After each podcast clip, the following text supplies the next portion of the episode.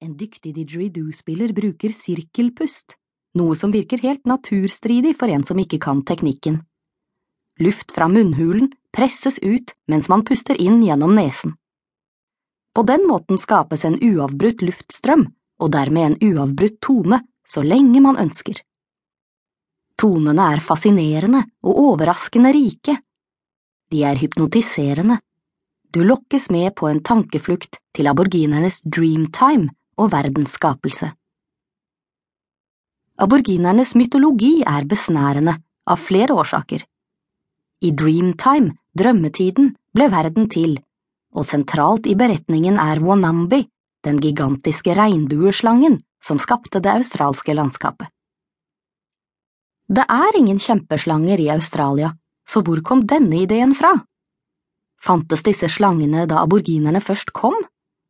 Hvordan kan de i så fall huske det? Beretningen må da ha overlevd gjennom flere tusen generasjoner.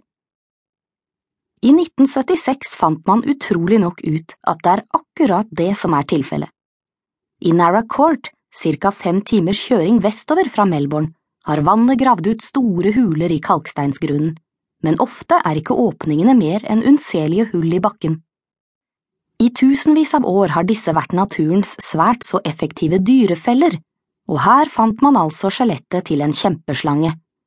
Wanambi, regnbueslangen. Den fikk det latinske navnet Wanambi naracortensis. Disse huledypene er rene gullgruver for arkeologer og zoologer. Ordentlige gullgruver og jakten på rikdom har for øvrig vært en viktig årsak til at Melbourne og Australia vokste frem. Det hele begynte med at Magellan seilte rundt jorda i 1530 og viste at Sydhavet lett kunne nås.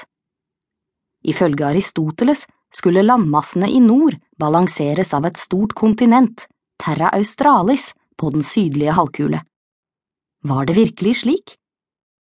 1500-tallet ble de store oppdagelsenes tid, og på 1600-tallet var en opplysningstid i emning.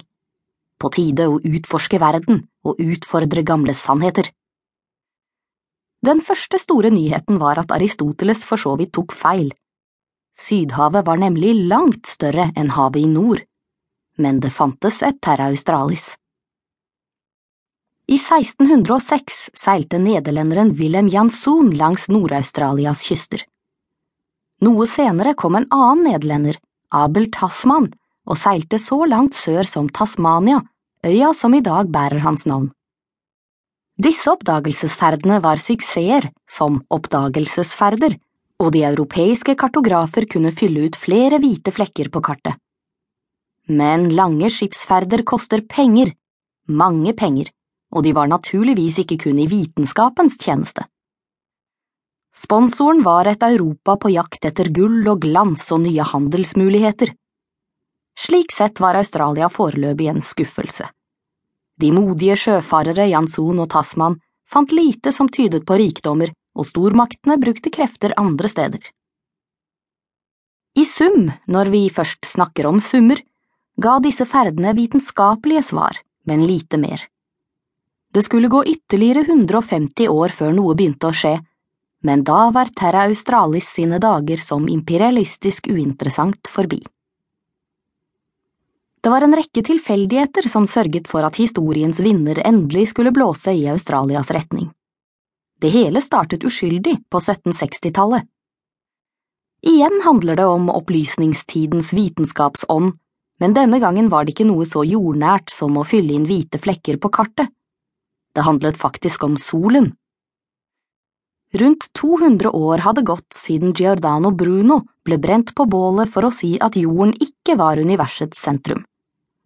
De fleste hadde vent seg til tanken om at jorden går rundt solen og ikke omvendt, og at det var solen som var solsystemets naturlige sentrum. Så begynte 1760-tallsintelligensiaen å spørre, jaha, så hvor langt er vi fra sentrum, da? Astronomene ønsket å svare, men de trengte hjelp av et sjeldent naturfenomen. Nøkkelordet er Venuspassasje. Enkelte ganger passerer planeten Venus rett over solskiven. Astronomene sto overfor et kinkig problem. De visste at neste Venuspassasje ville være på Tahiti i 1769.